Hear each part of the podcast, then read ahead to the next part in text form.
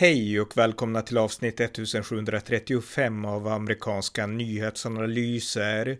En konservativ podcast med mig, Ronny Berggren, som kan stödjas på swishnummer 070-30 28 95 0. I detta avsnitt följer ett samtal med Elias Sauk med bakgrund i Libanon som redan 2005 skrev en artikel om hur skärintressen hämtade från andra länder började slita sönder Sverige. Här pratar vi om det och om vad som måste göras för att hålla Sverige samman i en tid när invandrargrupperna är ännu fler och ännu större innan Sverige går samma öde till mötes som Libanon. Varmt välkomna! Elias Sauk, välkommen! Tack, hej. Eh, jag tänkte vi skulle prata om en sak som eh, du och jag har känt varandra ganska länge och du är väldigt kunnig om, eh, ja, främst kristna i Mellanöstern men även mycket annat och så. Och jag läste en artikel som du skickade till mig som du skrev 2005. Jag vet inte vilken tidning det här var. Vilken tidning var det? Uh, ja, jag tror att det var nog Aktuellt i politiken. Jag tror det eller ej. Ja, just det, okej. Okay. Ja, socialdemokratisk uh, tidskrift som fanns då. Ja, jag vet inte om den finns fortfarande. Eh, så. Men eh, på den tiden fanns inte eh, det internet vi känner till idag, så att säga. Utan det var de här tidskrifterna som man fick tillgå när man ville få något publicerat. Man, man fick skriva insändare på ett papper och skicka in och hoppas få ett svar, helt enkelt? I princip. I princip. Ja. Och då dröjde det ganska länge kvar. ja, precis. Men, men i alla fall, det här är en intressant artikel då, därför att du skriver om, eh, du skriver om ett problem som du har uppmärksammat, nämligen att det finns invandrargrupper i Sverige som kräver att den svenska regeringen ska ta deras egna särintressen i akt. Du skriver till exempel om att människor från Chile, de vill att, eh, ja tidigare då kanske, de vill att liksom man ska ta itu med, att svenska regeringen då ska kritisera Pinochet. Du skriver att syrianer vill att man ska upp, upp, uppmärksamma folkmordet på kristna, Seifo, och du skriver att iranier, de vill att man ska liksom konfrontera den iranska regimen. Och du skriver alltså att det finns så många olika intressen som sliter i den svenska regeringen. Kan du beskriva det lite mer, det du, det du skrev då i den artikeln? Ja, alltså, äh, äh, bara för att knyta an till det vi har pratat om tidigare. Alltså, äh, på den tiden, nu låter det som att det är annat, alltså, för, förra seklet höll jag på att säga, då, då kunde man inte liksom bara gå in och googla och, och, och se vad, vad, den har sagt, hur den har reagerat och, och, hur problematiken ser ut liksom rent institutionellt. Utan, utan man satt där eh, på kammaren eh, eh, och, och, och, och, tänkt, försökte klura ut varför det här sker på det här viset. Det här var liksom 2005 som artikeln publicerades, men tankarna fanns med redan från, ja, så att säga, 90 i ja, senare hälft av 90-talet så att säga och framåt. Uh, um, uh, där man då kunde märka att uh, det här med mångkultur inte bara handlar om pizza och, och, och, och kebab. Mm. och när man idag då läser, varför jag då valde att damma av det här, dels att jag råkade gå igenom gamla arkivet men också för att det idag talas om ett begrepp, nämligen identitetspolitik. Eh, eh, eh, det vill säga en grupp människor som agerar som en politisk rörelse utifrån gemensam identitet. Och det är precis det här handlar om. Identitetspolitiken började liksom omskrivas redan på 70 80-talet i, i, USA vill jag minnas. Men det fick ingen större spridning. Den här artikeln är ju då Eh, skriven om identitetspolitik, dock utan eh, att känna till att det fanns ett sådant begrepp överhuvudtaget, eller en sån problematik eh, i universitetsvärlden. Alltså vem hörde talas om identitetspolitik i, början av 2000-talet till exempel? Men det här är liksom ett, ett exempel på hur identitetspolitiken kan eh, ta sig olika former i det verkliga livet.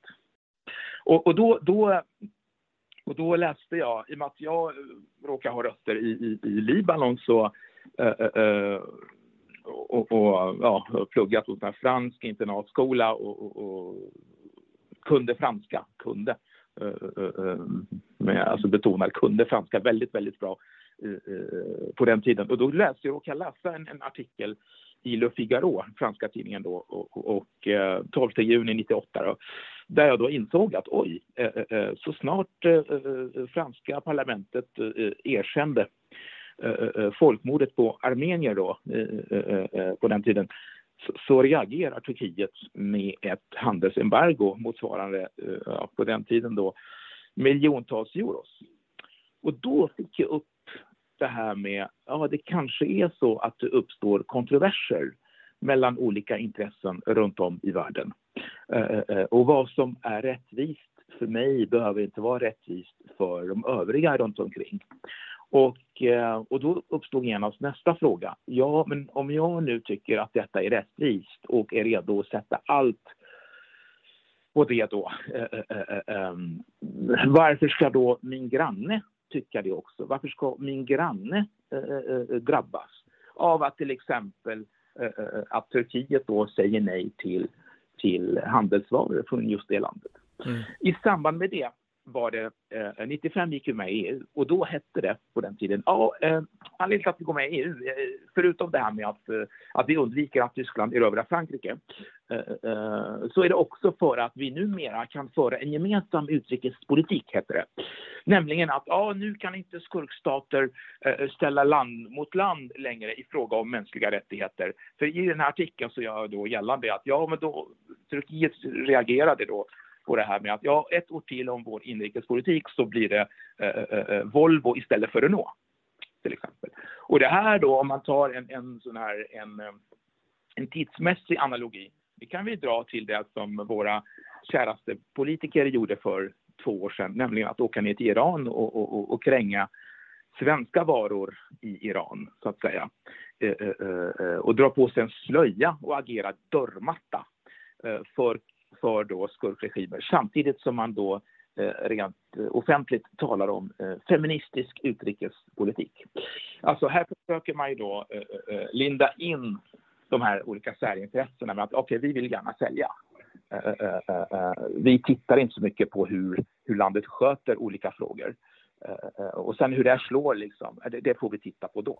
Mm. Men, och då, då ja. Ja, Ja, men, men, en intressant sak här då, det är ju liksom just att det här fenomenet som jag var inne på i början, alltså det här är ju ännu större idag. Alltså vi har så stora vi har, alltså, vi har en stor invandring i Sverige, vi har många in, invandrargrupper från många, många olika länder och nästan alla, de driver på, pockar på att den svenska regeringen ska gå deras intressen till mötes. Och jag menar, då uppstår det ju naturligtvis konflikter. Jag menar, om vi tar din grupp då, de kristna från Mellanöstern, eh, jag menar, det är en ganska stor kontrast mot de här islamisterna från Mellanöstern som också tyvärr finns i ja. Sverige, de här Shia-moskén och liknande. Så jag menar, det finns mm. ju liksom, det finns ju konflikter där. Hur ska en svensk de, regering hantera ja. det? Mm. Men man säger så här, alltså de här konflikterna blir inte enklare av att tycka att nej, det är egentligen inga konflikter utan allt handlar om socioekonomi. Då har man i princip inte erkänt konflikterna. Alltså för att kunna lösa en konflikt så måste man kanske börja med att erkänna att den faktiskt finns där. Mm. Eh, eh, eh, det är liksom en grundförutsättning. Annars blir det liksom fel diagnos från första början.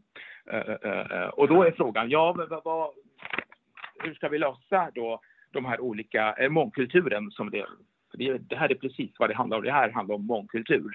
Många liksom förknippar mångkultur med, med just att det är liksom olika danser och mat och hit och dit. Så. Men mångkultur plus identitetspolitik blir förödande i ett mångkulturellt samhälle. Um, om man börjar då till, för att förenkla det här. Tänk så här, Sverige tar emot en grupp invandrare som älskar handboll. Första åren i Sverige så kanske man då väljer att, att, att satsa på, ja, få mat på bordet och, och hitta ett boende och så vidare. Men så småningom så kommer man att vilja att samhället investerade i handboll, satsade på handboll, prioriterade handboll. Um, och man kanske börjar spela handboll själv. Mm. Efter ytterligare några år, ja, då vill man ju då att det här med handboll ska lyftas fram på riksnivå kanske efter ytterligare några år. Och då vill man ju då att det här med handboll ska lyftas fram internationellt. Alltså allt eftersom människan vandrar högre upp i värdekedjan i samhället så vill man ju då aktualisera de frågor man brinner för. Och vilket är naturligt, nu är det jättetrevligt med handboll. Eh, så. Mm. Och, men jag tror att det är inte alltid handboll det handlar om, utan det kan handla om saker som går stick i stäv med andra saker. Det gör i och för sig handboll. Satsar man på handboll så måste man ta pengarna från fotbollen kanske. Men ibland så finns det väldigt stora kontroverser. Man bygger in långsiktiga konflikter som på sikt skulle kunna leda till Ja, en libanisering, en process som jag inte eh, eh, äh, sådär är så förtjust i. Men äh, den finns ju där. Vi har ju kunnat se det här på, på olika sätt genom åren. Det allra värsta exemplet, det är när de här individerna som gillar handboll, då låt säga, åker kors och tvärs runt om i världen för att kriga för handbollen till exempel. Mm. Uh, uh, uh, ja, och då kan var och en av oss tolka det här på det sätt han eller hon önskar. Men det här är ett problem. Och då är frågan, ja hur ska då staten lösa det här? Ja, alltså antingen tar in någon i UD som brinner för, också den kurdiska frågan eller den libanesiska frågan eller den amerikanska frågan. Eh, eh, eh, eller så får du säga, ja ni som har då en egen kultur, det vill säga ni som accepterar, erkänner integrationspolitiken, för det går ju ut på att bibehålla den egna kulturen. Ni som har en egen kultur, ni som brinner för den egna kulturen, vad det nu kan vara, ni får inte jobba i de statliga myndigheterna. Och då har man gjort diskrimineringen strukturell och legitim. Så antingen gör man det, ja, ni som är, ni, för att tala klarspråk, ja, invandrare får inte jobba på UD eller Försvarsmakten eller och så vidare. Och så vidare. Eh, eh, eller så får man då stipulera att ja, men Sverige ska följa internationella konventioner såsom FN, barnkonventioner, mänskliga rättigheter och, och, och liknande. Och då kanske det spelar mindre roll eh, vad man själv har för, eh, för preferenser. För det är de här preferenserna som ska sättas i främsta rummet alldeles oavsett. Sen kan man ju diskutera på vilket sätt de här ska då fram på agendan. Eh, det är en annan sak, men det är väldigt viktigt att vi då har eh, eh, eh, ett nationellt projekt som kan förena alla och visa vägen framåt. Mm. Och det har vi inte i, Nej, men... ljuset av klasskampen som är det viktiga. Ja. Klasskampen är bara tillfällig. Så fort man får mat på bordet, då är man ingen flykting längre i princip. Då vill man ju förverkliga sina preferenser och det är då de här konflikterna börjar komma fram. Mm, exakt. Och då är frågan liksom, därför att som sagt, det är inte bara en grupp, utan det finns ju massa olika och idrotter. Det är inte bara handboll, utan det är också fotboll och det är basket och det är tennis och innebandy. Det finns ju hundra olika hmm, hmm, sporter i Sverige och idrotter. Ja, precis. precis. Ja, så jag menar, de, de, här, de här konflikterna är ju liksom, de uppstår ju och man drar regeringen och du berättade om att du har bakgrund i Libanon. Libanon är ju ett land som är sönderslitet av sådana här liknande konflikter. Så frågan är, hur ska Sverige göra i den situation som är nu? Jag menar, för 50 år sedan hade Sverige inte de här problemen. Men hur ska vi göra idag för att hålla Sverige samman och för att vi inte ska bli som Libanon? Precis. Och, och, det är så här, man kan tycka då att Sverige är det första landet i världen med att ha invandring, men så är det ju inte. Uh, uh, och med det sagt så kan man titta på hur andra länder har gjort genom åren. Alltså man, man kan ju liksom tycka att vi är så, speciella här uppe att vi måste uppfinna hjulet själv eller så tittar vi på hur andra har löst det här med hjulet. Uh, och när vi gör det då, hur andra har gjort, så märker vi genast att ja, det finns en sak som förenar alla kring ett projekt, en endaste sak. Och det är nationalism, vare sig vi gillar det eller inte. Det är det här som har förenat etniciteterna i Syrien eh, kring det nationella projektet där. Om, alltså, nu har jag starka åsikter om hur just eh, den syriska nationalismen, den arabiska nationalismen har skött det hela. Men nationalismen i sig är ju den faktorn som har förenat.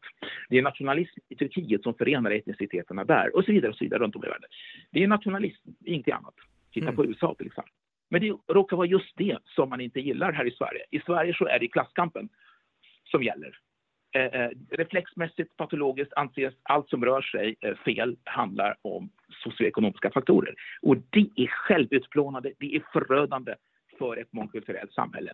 För då låter vi problemen växa i det fördolda med under fel rubrik och så rätt vad det är så står vi där inför massa skjutningar, flyktingkriser och kriser av olika slag. Vi måste först erkänna problematiken, att vi nämligen har tagit in människor som är kulturbärare där var och en har egen, eh, så att säga, egna preferenser eh, eh, som försvaras. Ta ett enkelt exempel, det mest banala, det är när studenter springer ut med hemlandets flagga över axlarna till exempel. Man vill inte gå till djupet med det. Man vill inte titta närmare på det. Man sopar under mattan och fortsätter. Det här är ett exempel på det här. Mm. Om jag springer ut med Libanons flagga över axlarna, då har jag i princip talat om att jag sätter Libanons intressen före de svenska. Mitt hjärta bultar för, mer för Libanon än för Sverige. Och det är i sig ett väldigt stort problem som kan komma upp i flera olika avseenden än just det här med att jag tar studenten. Och det är sådana frågor, existentiella frågor för Sverige som då äh, äh, lyfter fram mångfalden att ta tag i. Och det är just, det, just de frågorna man inte vill diskutera. Ja, verkligen. Jag menar, nu har vi, det här hade ju funkat. Alltså, vi hade kunnat fortsätta inte bry oss om det här, precis som vi har gjort. Vi har inte brytt oss, vi har ignorerat det och vad jag tänkte att det här är, det spelar ingen roll ungefär. Om det rörde sig om tio eh, invandrade handbollsspelare eller fotbollsspelare eller basketspelare. Men alltså nu är det inte tio personer utan det är tusentals, faktiskt hundratusentals personer som har, är kulturbärare från helt andra icke-svenska kulturer. Och jag menar häromdagen kunde vi se det som hände i, i Belgien, de här protesterna bland marockanerna för att alltså de vann, de bor i Belgien och Marocko, deras gamla hemland, vinner i fotboll över Belgien och de är jätteglada att Marocko, alltså deras gamla hemland, eh, att de vinner och eh, som tack eller vad man nu ska säga för det, så går man ut och slår sönder hela Belgien typ. Så jag menar, här har vi ju liksom en illustration mm. på problemet. Och eh, ja. ja, jag tar vidare om du hade någon kommentar till det. Om, ja. Men alltså, precis, och, och, och, så, vi var inne på det här med, okay, nationalismen då är, tycker jag, är en viktig rubrik. Så kan man diskutera vilken form av nationalism som ska tillämpas och så vidare. Det finns inte bara en form, utan det är liksom, det är en uppsjö där. Men nationalismen är eh, svaret ändå på det här? Alltså nationalism, ja. Och så eh, under den rubriken så kan man säga så här, obligatorisk eh, militärtjänst. Vad, vad, är det som förenar alla eh, grabbarna eh, grus nere i Mellanöstern då eh, eh, eh, eh kring det här? Så tänk dig om 20-25-åringar i Sverige skjuter varandra så där för lite knark. Hur tror du det hade sett ut i Mellanöstern om inte nationalismen hade existerat? Och hur har man gått tillväga då? Jo, två saker. Alltså det är två grundbultar som jag har liksom kämpat för i 25 års tid nu. Det ena är värdegrundsarbetet i läroplanen.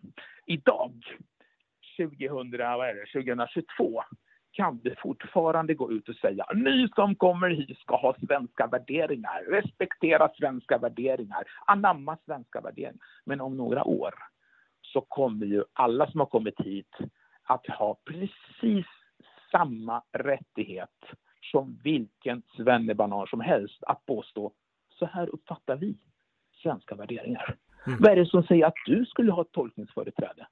Och så vidare. Plötsligt framstår svenska värderingar som något helt annat. För alla är ju jämlika svenskar. Ju. Eller? så. För alternativet är ju rasism, nazism, fascism. Så därför måste det redan nu och så tidigt som möjligt eh, säga, stipulera vad som faktiskt är svenska värderingar. Mm. Och det har läroplanen redan eh, gjort, vill jag påstå. Nämligen mänskliga rättigheter, barnkonventionen, hållbar utveckling, jämlikhet, jämställdhet. Ganska enkelt. Och det här ska vara överordnat alla kulturer, traditioner och allt vad det kan vara i form av folkliga eh, bekännelser. Det är det ena. Alltså, barnen i skolan, skolorna får inte utvecklas till att bli treämnesskolor, svenska, engelska, matematik. För då kommer någon att utveckla, att utnyttja sina kunskaper i matematik till att tillverka en bomb istället för att vara med och utveckla en apparat som kanske botar cancer. Mm. Det är värdegrunden som avgör skillnaden däremellan. Det andra är militärtjänsten.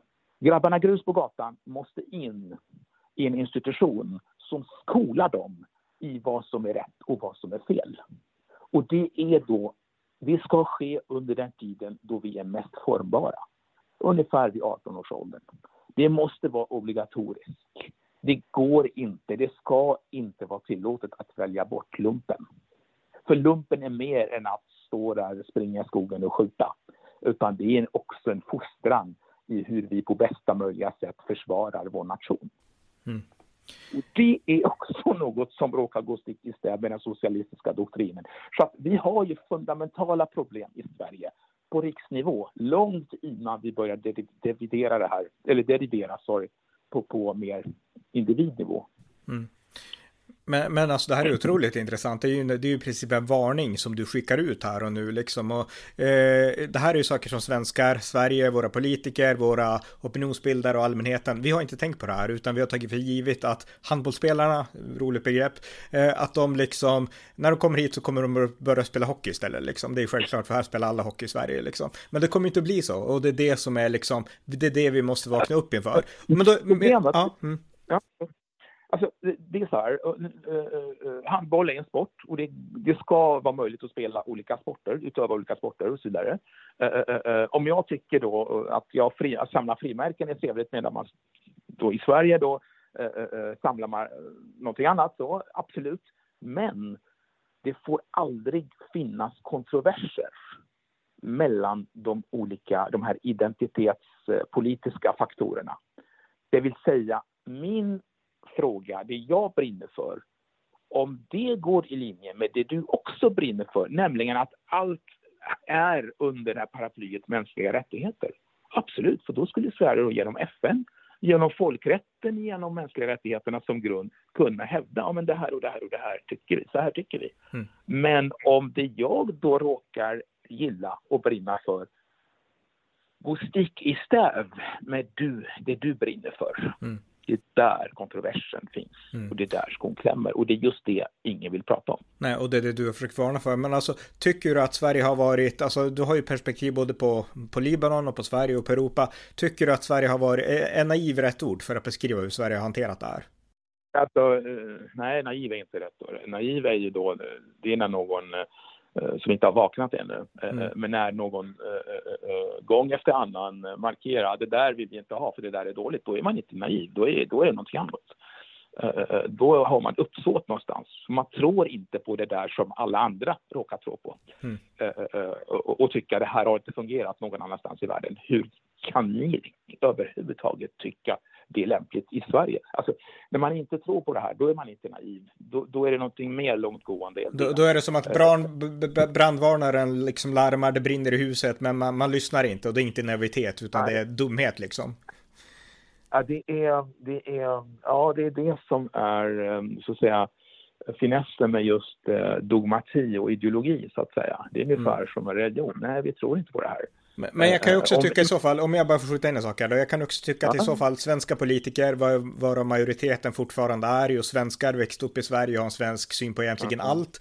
Jag menar, är inte det också lite arrogant, alltså mot sådana som dig som kommer från de här länderna och som verkligen har sett problemen på allvar? När sådana som ni försöker varna, jag menar, även just nu så pratas det mycket om Iran och Sverige har ju tusentals, liksom tiotusentals exiliranier som har flytt ja. från den iranska regimen, så försöker varna och säga att det som har hänt i Iran, det kan också hända i Sverige. Och jag vet inte en enda svenne-svensk som tar det på allvar, liksom sådana varningar. Jag menar, är inte det lite alltså, arrogant mot er som ändå upplevt ja, verkligheten? Alltså, precis, alltså arrogant, det, det, har jag kommit fram till. Eh, jag gjorde det för tio år sedan ungefär. Att det är, det är högmod och det är arrogans. Eh, så. Men sen så finns det, eh, när man har försökt titta närmare på det här med arrogans, hur ser det ut egentligen runt om i världen? Hur har det sett ut historiskt? Jo, när islamisterna anföll äh, äh, Damaskus år 636 så sa man i Libanon, äh, det där hände väl bara där borta, för man vet ju hur de är.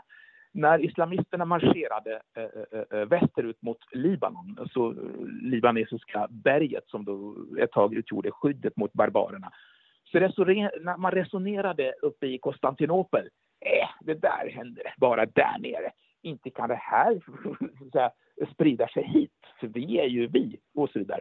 Och så vidare genom hela historien finner man precis samma typ av ja, arrogans, nonchalans, bagatellisering och så vidare. Och det här tog det vara något mänskligt, något naturligt dessvärre. Att vi inte tar tag i de här mest allvarliga frågorna på allvar, så att säga. Inte förrän det drabbar mig. Ta mm. till exempel Säpos årsrapporter från 2008, 9, 10. Alltså Sverige är det enda landet i världen som har drabbats eh, eh, av terror och som då lik förbannat inte erkänner den terrorn. Eh, eh, Säpos årsrapporter från 2010, alltså, Sverige blev angripet av Islamiska staten mm. eh, i december 2010. om man tittar på Säpos årsrapporter som ska då ge en rättvisande bild av de hotbilder som Sverige står inför så står det inte ett ord om islamismen alls överhuvudtaget. Då kan man tycka, ja men okej, men 2011, då är det med. Nej, inte ens 2011. Det var först 2012 som man började prata om det här. Eh, och det är ganska unikt i världen, vill jag påstå. Alltså, det här handlar inte om vad som händer och sker på andra sidan planeten. Här handlar det om Stockholm. Om vi inte ens då tar de här frågorna på allvar, då är man inte bara naiv, utan det är någonting annat mm. som vi måste hjälpas åt att lista ut. Ja, men verkligen en jättebra poäng. Alltså, det här var ett otroligt intressant och viktigt samtal, alltså extremt belysande. Jag är jättetacksam att du berättade det här. Eh, vi måste vakna upp. Är det något mer du vill tillägga liksom, och, och liksom i, i förhållande till det? Jag tror att vi stannar där mm. för idag. Ja, vi får nöja oss ja. med det. Det var en bra handbollsanalys, så tack för den Elias. Ja, ja. ha en bra dag. Tack för att ni har lyssnat på amerikanska nyhetsanalyser. En konservativ podcast som kan stödjas på swishnummer 070-30 28 95 0 eller via hemsidan på Paypal, Patreon eller bankkonto. Skänk också gärna slant till valfri Ukraina-hjälp. Vi hörs snart igen. Allt gott tills dess.